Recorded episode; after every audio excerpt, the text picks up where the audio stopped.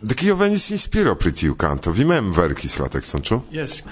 Dum preskaŭ la mia tuta vivo kiel plenkreskulo pensis ke mi devas iam fari kanton pri tiu temo, ĉar ofte aŭ almenaŭ kelkfoje okazis tio al mi ke oni rencontas homojn, ĉu ne, kaj enamiĝas aŭ amikiĝas kaj oni sentas tiun fortan connecton inter la coro cine che quasi au gefrato e oni estas au frato e fratino che oni pens che o oh, ni ni ciam restos scune cine kai oni festas scune kai faras cion cune kai subito casas io cine kai oni disigias kai uh, eh, neniam plu renkontiĝas kaj ne, sens ti kial, ĉu ne, ne estas kial, simple tio okazas.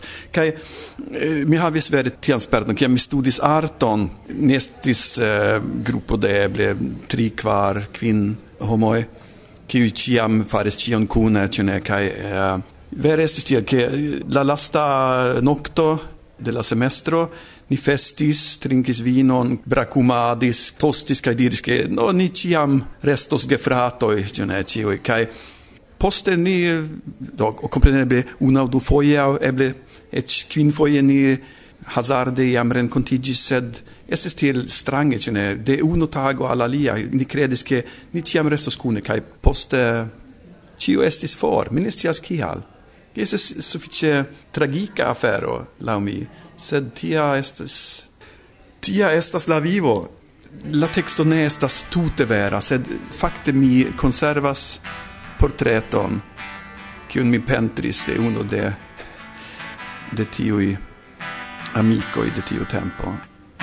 Mai bere vocei kiel flustraj de fantomoj ĝuste nocte noktofa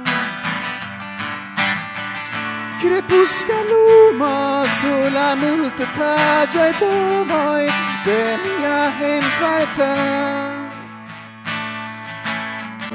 Mi si volemas pri la vivo in aliai, ciu pleno chagren cae pen.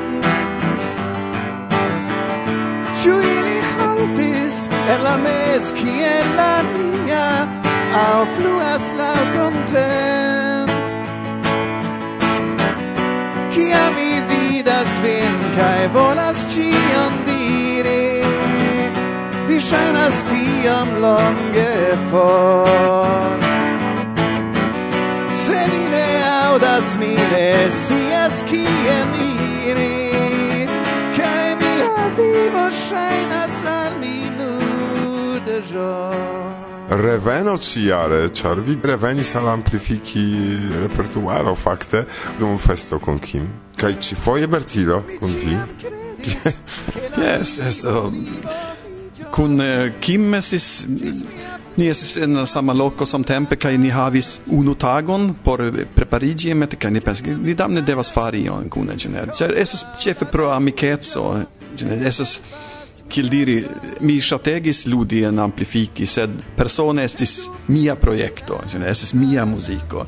Sed eh, mi vere mi tre tre aprezas kimon kiel muzikisto kiel amiko kiel homo generale kai estis ege ege amuse denove ludi kun kun li.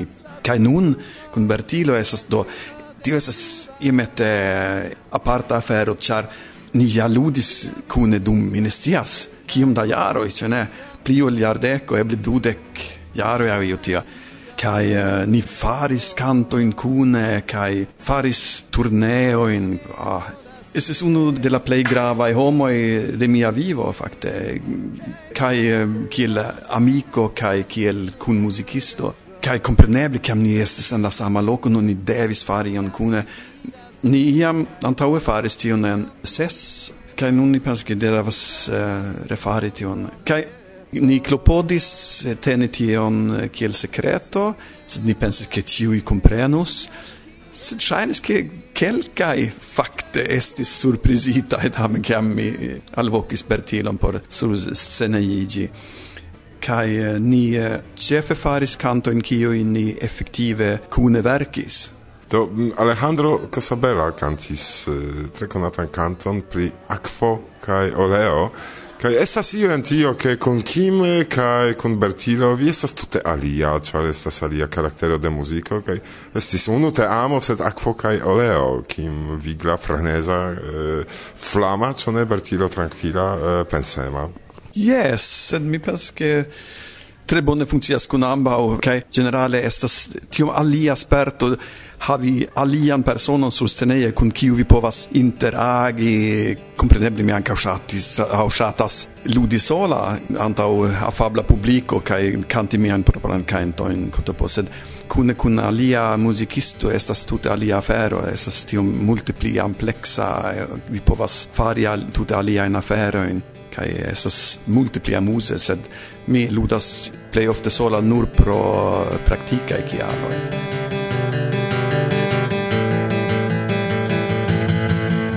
unua foje do Marcones aperis kelkaj personoj, kiuj venis nur pro koncerto de Martin, por ĝui la koncerton, kaj hieraŭ do ili laŭte kantis kantojn. vi memoras tion, eĉ unu kanton vi dediĉis al Gunnar interalie. Ĉu vi sentas iun varmon rilaton kun tiuj fanoj, kiuj speciale venas al via koncerto? Kompreneble tio estas eh, nekredebla sento kaj mi ŝategas kiam ili kunkantas kaj ne nur Gunnar es aliaj yes. sorprese multa surprize multaj kiuj kunkantas en surprize multaj kantoj kiujn mi ancora ne eldonis ili evidente lernis ilin de concerto e verŝajne ankaŭ de surbendigoi de concerto e kotopo sed tio estas mirinda sento che homo tiom zorge auscultas kai eh, che ili zorgas pri la muziko pri la teksto e mi ne povas esprime dion senton. Esas tiom bona. Mi hiera uh, eh, observis tion kai mi uh, pensis ke fakte ni havas ja propran kulturon ja proprajn fanojn proprajn muzikistojn kai ja ni vivas en uh, vere bona mondo. Yes, mi, mi vere samopinias. Do Martin dum festo vi mencis pri nova projekto kun nova kodo. Do paraligis vi kelkajn personojn kiujn audis tion ke aperos nova kodo. Eble klarigu nuntempe pri la nova kodo pri tiu ideo. Yes, mi dum mi ne scias eble dum jaro jam laboris pri surbendigado, komponado kaj mi surbendigis kun du talpoi en eh, studio drumon elektran bason elektran gitaron. Poste mi eh, daurigas la laboron heime au en la provludeio eh, mi surbendigas per mia computilo con eh, microfono tre modesta e condicio sed bone funkcias Ser mi ne havas monon nek tempon. Lui studion dum pluraj tagoj doni dum unu tago registris la fundamenton au kiel nomi gin cin eh, drumo basso elektra gitara. Kai la acustica in canto in mi eh, en tutte registra sema kai mi anche havas nun kelkajn kunlaborantojn kiuj eh, ne loggias en mia urbo kai per de la eh, mirinda tecnico de la interreto ni povas tamen kun labori kaj sendi sondosieron unu al alia kaj mi vere sincere kaj profunde gioias pri kelkaj kontribuoj in via audos Do eh, kiam ni povos fizike tuŝi la novaĵon? Mia celo estis eh, che gi estu eldonata ciare, sed mi dubas che mi successos pri tio, char ciui conos la feron, cio ne ciui, ciui qui havas plentempan laboron, cae familion, cae aliaen devoin, cio ne comprenas la feron. Eble du, tri horoi, ciu dua semaino, cium mi havas por daurigi la proiecton, cae tiu esas compreneble tutte malsuffice. Mi appena povas starigi la apparataron en tiu tempo, cae quelquefoje mi vere malesperas, sed eh, uh, play eble frue mi volas eh, eldoni. Kaj anka restas eh, la problema kun mixado mastrigado kaj ĉio mi ancora ne kiel kaj kie mi mixos la bumon play granda parte estas jam registrita, mankas instrumento e voĉoj en eble du kantoj.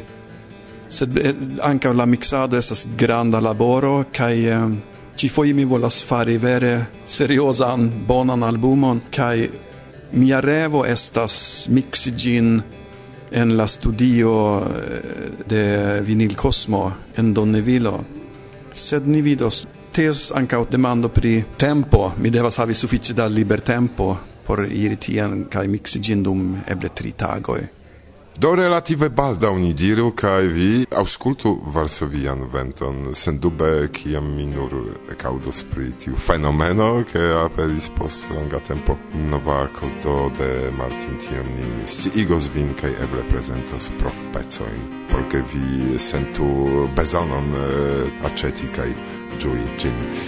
En la ĉambro apude kie dormas vinon ridetis conclude alla nocta comun eble pro la influo de alcohol.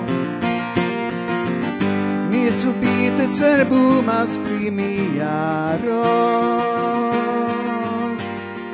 kiel fartas via familio, viei filinoj, mi vidis ke unu naĝis. Yes, yes, do nun venis ankaŭ la aŭtuno al Stokholmo, sed la somero estis ĉi-jare tre longa kaj tio estas verŝajne repago por la pasinta somero kiu apenaŭ okazis entute kaj uh, nun ni havis someron ĝis meze de septembro kaj povis naĝi en. Mi estas feliĉa ke mi loĝas iomete ekster la urbocentro kaj kilometron for eble de eh, bonega plaĝo kaj tien mi ofte iras kun la infanoi. Hej Ester och Ines! Jag älskar er och eh, jag hoppas att ni också kommer börja spela gitarr eller andra instrument så småningom. Yes, do mi klarigas ke mi diris al mia filino ke mi amas ilin kaj mi esperas ke ili ankaŭ ekludos gitaron aŭ alian instrumenton baldaŭ. Eĉ fakte Ili jam lernis kelkain cantoin sur unu cordo, eh, ludi melodion, de ne gitaro, sed de ukulelo, char eh, mi opinias gin pli opportuna por infanai fingroi. Eh, mi vidas tiun baso kulele de, de Sebastian eh, dum festo, kaj fakte ech mi sanĝis pri tio. Yes, mi pensas ke genia instrumento kaj se ni havintus tion dum la tempo de persone che ni turnes acustiche kai Anders kun portis kontrabason kai se li povintus kun porti sa anstataŭ estus compreneble mirinde estas absolute frenes es kvazaŭ ekstertera instrumento tiu kun guma e cordo e kai ĉio se tamen funkcias funkcias perfekte salutoi o mi fratas saluti ciu in auscultanto in kai eh, mi volas ankaŭ udiri ke eh, mi sentas min tre danka char mi havas ancora la blezon rinconti eh, ge amico in kai homo in de la presca la tuta mondo ĉe kiu venas alla Esperanto-renkontiĝoj kai kiu auscultas mian muzikon. Kai mi volas diri al miai auscultanto ke mi vere vere apprezzas vian attenton kai uh, eh, mi esperas ke vi shatos mian venonton albumon. Se Bertilo tion ci auscultas mi volas saluti vin Bertilo speciale kai danki vin por via contribuo al mia concerto kai ancau Bertilo kai Birke por la mirinda, belega, cortusa, ploriga concerto hodiaŭ. Kion vi deziras speciale kanti por aŭskultantoj de Varsovia Vento nun? Mi volas kanti iomete specialan kanton kiun mi kantis publike por la unua fojo hieraŭ vespere, kaj ĝi nomiĝas Interpretoj. Kiam vi vere ŝatas iun personon, kiu ne plu estas proksime de vi kaj vi sentas vin malcerta pri la stato de via rilato, ĉu vi restas geamikoj aŭ vi analizas aferojn, ĉu ne, por provi kompreni kiel statas la aferoj, vi serĉas signoin de tiu persono por provi elturni mete. Yes, certe vi konas tiun aferon.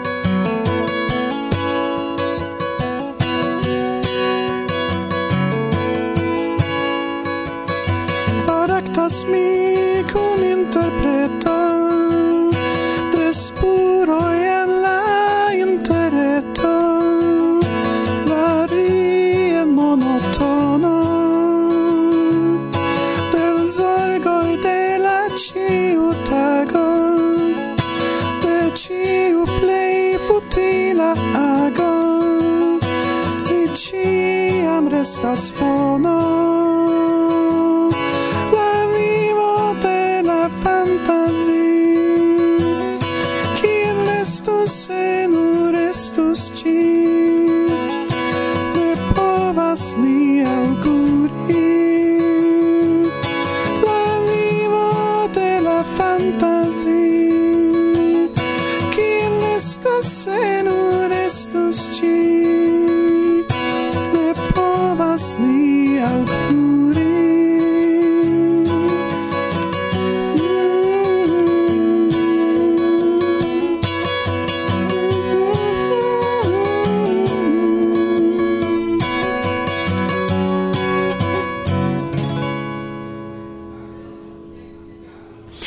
dankon pro la intervjuo kaj mi esperas baldaŭ eh, ĝui novan pli profesie registritan ol mi kapablas muzikon. Dankon Martin.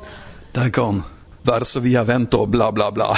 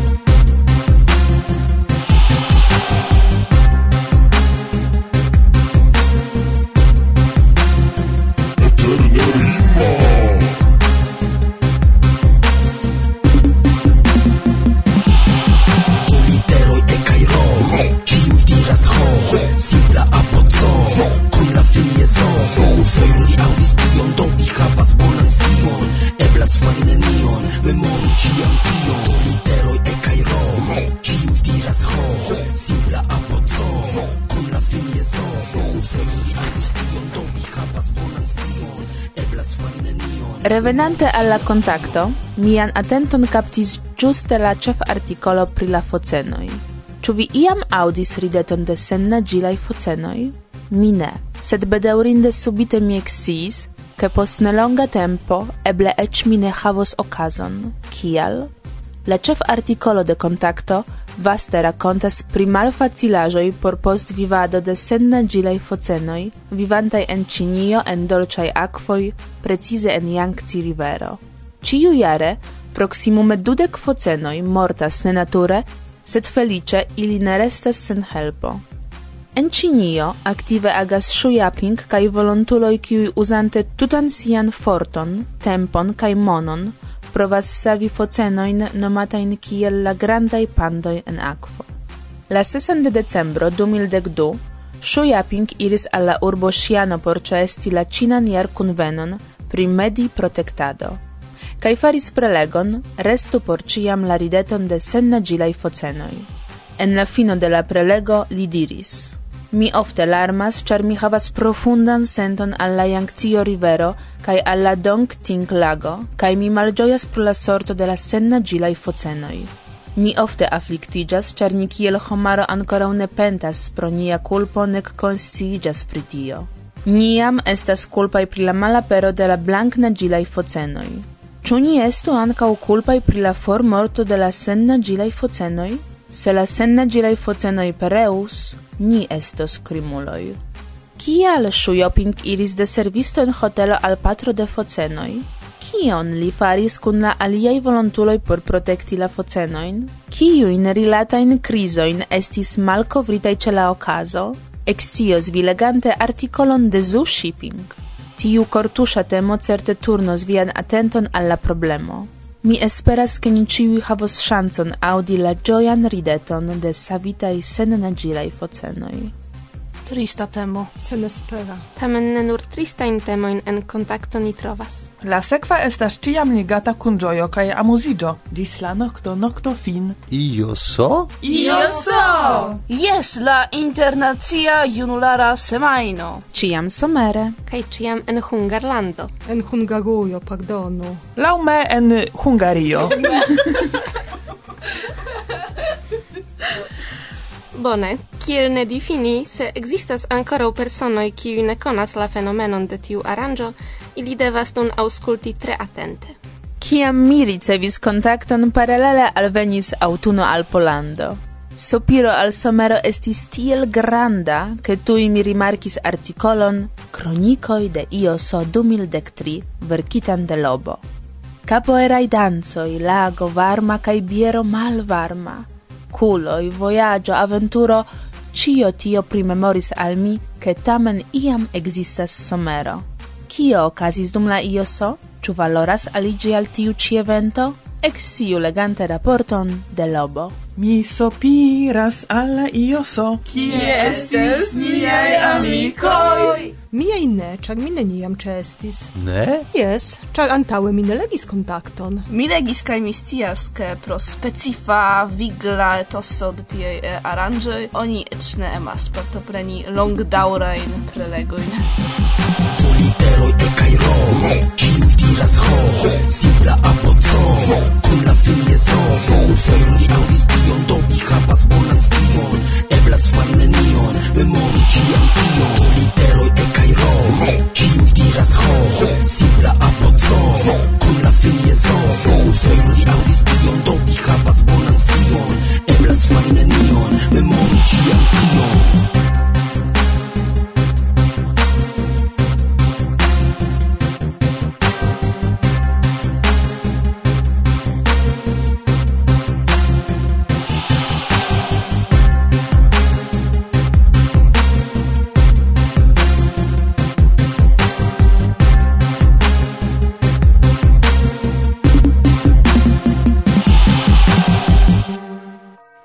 via vento. Antauni Flo conata pro Vinil Cosmo, pro Euroca, pro Rock Gazette, pro multaj aferoj qui ligiĝas kun musico kai culturo prilanciado de novai novaj Racconto io iomete pri vi mem, kiam vi rencontis Esperanton, captis la ideon, che eble anca mi lernu. Fakte mi estas Katalun devena, ne Franz de Vena, kai nomigas Floreal Marturell. Marturell estas urbo tute apude de Barcelono, sed miaj gepatroj estas originaj de Reus. Reus estas 100 km in for de Barcelono en la sudo al directo al Valencio. Yes, mia contacto con Esperanto venas fakte de mia patro char eh, li estis respublicano kai eh, partoprenis la intercivitan militon en Hispanio, do li estis en la fronto de Madrido kai poste en la fronto de Aragono kai poste ritirigis. Do vistias ke dum la hispana milito okazis el sendo en Esperanto por eh, disvastigi pri la informoj de la hispana revolucio kai la hispana civila milito kai tiel plu. Do estis esperantistoj kiuj tamen aktivis eĉ en tio kai estis ĵurnalo kiu estis el eldonita, tie estis libretoj e tiel plu, mi havas kelkajn exemplero en la domo. Kai mia patro en tiu periodo ne konis Esperanton sed audis pri tio ke estis la lingvo por la mondo ĉu ne? Ĉar ili havas tiun idealon fari liberan mondon kaj unue liberan Hispanion kaj tie plu sed la fero igis pli malbona, char ili estis venkitaj de la fascistoi kai devis forfugi en la landon, tiuj kiuj ne forfugis multai mortis au estis maliberigitaj, sed tiuj kiuj povis fugis al Francio. Kai kiam ili alvenis en Francion, do tiam ili estis metitai de la Franzoi en concentreio ce la strandoi kai tio dauris gis la monmilito. Do la hispanoi organizis tiuin concentreio kai mem stare organizis organizis ankaŭ la vivon en tio kai estis esperantisto kiu organizis tie kurso de Esperanto kai mia patro eklernis Esperanton en tiu koncentrejo sed poste li havis la chanson ke li fugis de tie kai povis eh, uh, eskapi kai iri al Parizo kai gis la eh, explodo de la monmilito kai poste li revenis en la sudon pro la invado de la germanoi kai tiam li estis recaptita remetita en concentreo la historio venas de tio kai li ciam diris tiam eblos vi devas lerni la lingvon char tio estas la lingvo de la estonto. Ne estas utopio estas io kio realigios char ne estas alia alternativo. Se la mondo devas esti iam libera ne povas esti alie se gine ne havas eh, komuna lingvon. Do tio estis la ideo de mi mia patro. Kai li havis libreton en la hispana kai en Esperanto. Kai do en tiu periodo mi estis juna kai mi estis aktiva en eh, kontraŭmilitista e kontraŭatomenergia e tiel flu afero. mi ne interesiĝis ankoraŭ pri la lingvo sed tio restis en la kapo.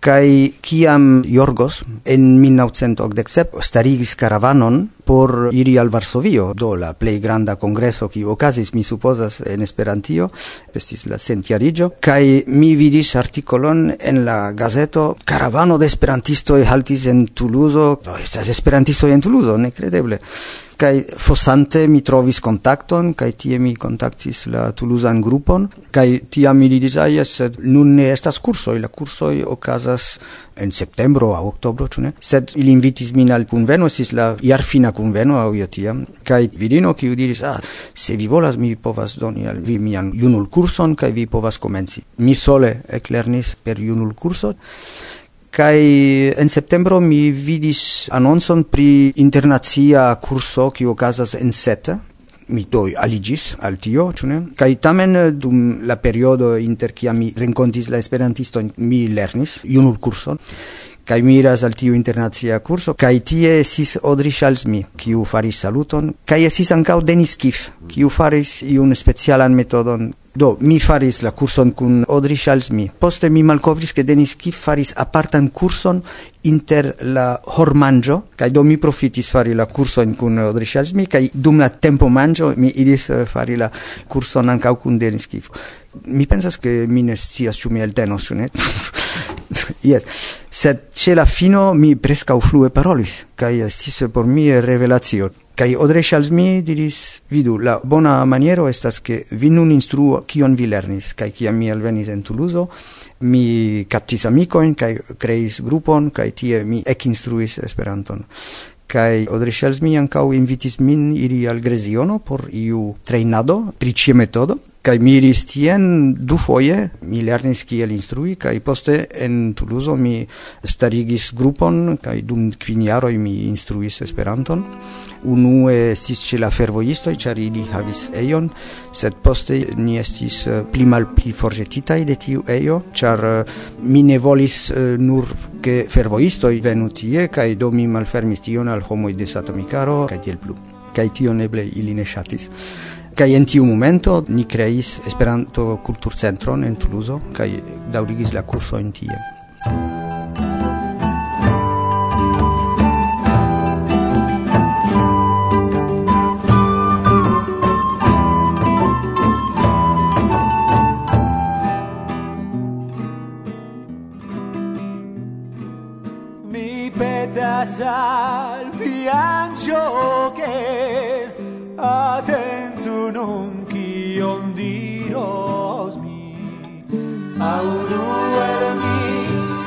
siloj por vi, pri la saĝeco kaj pri la honoro. Ni kantu novan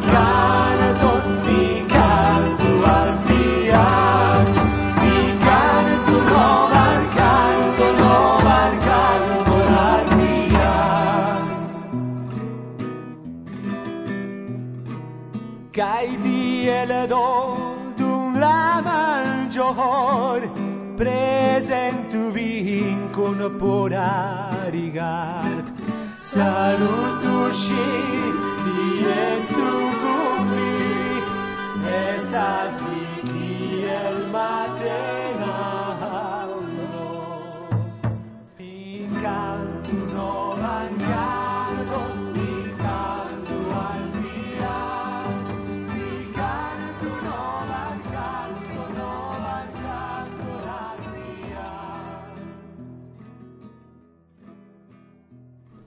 Nun tempe vi auscultas radion Varsovia Vento.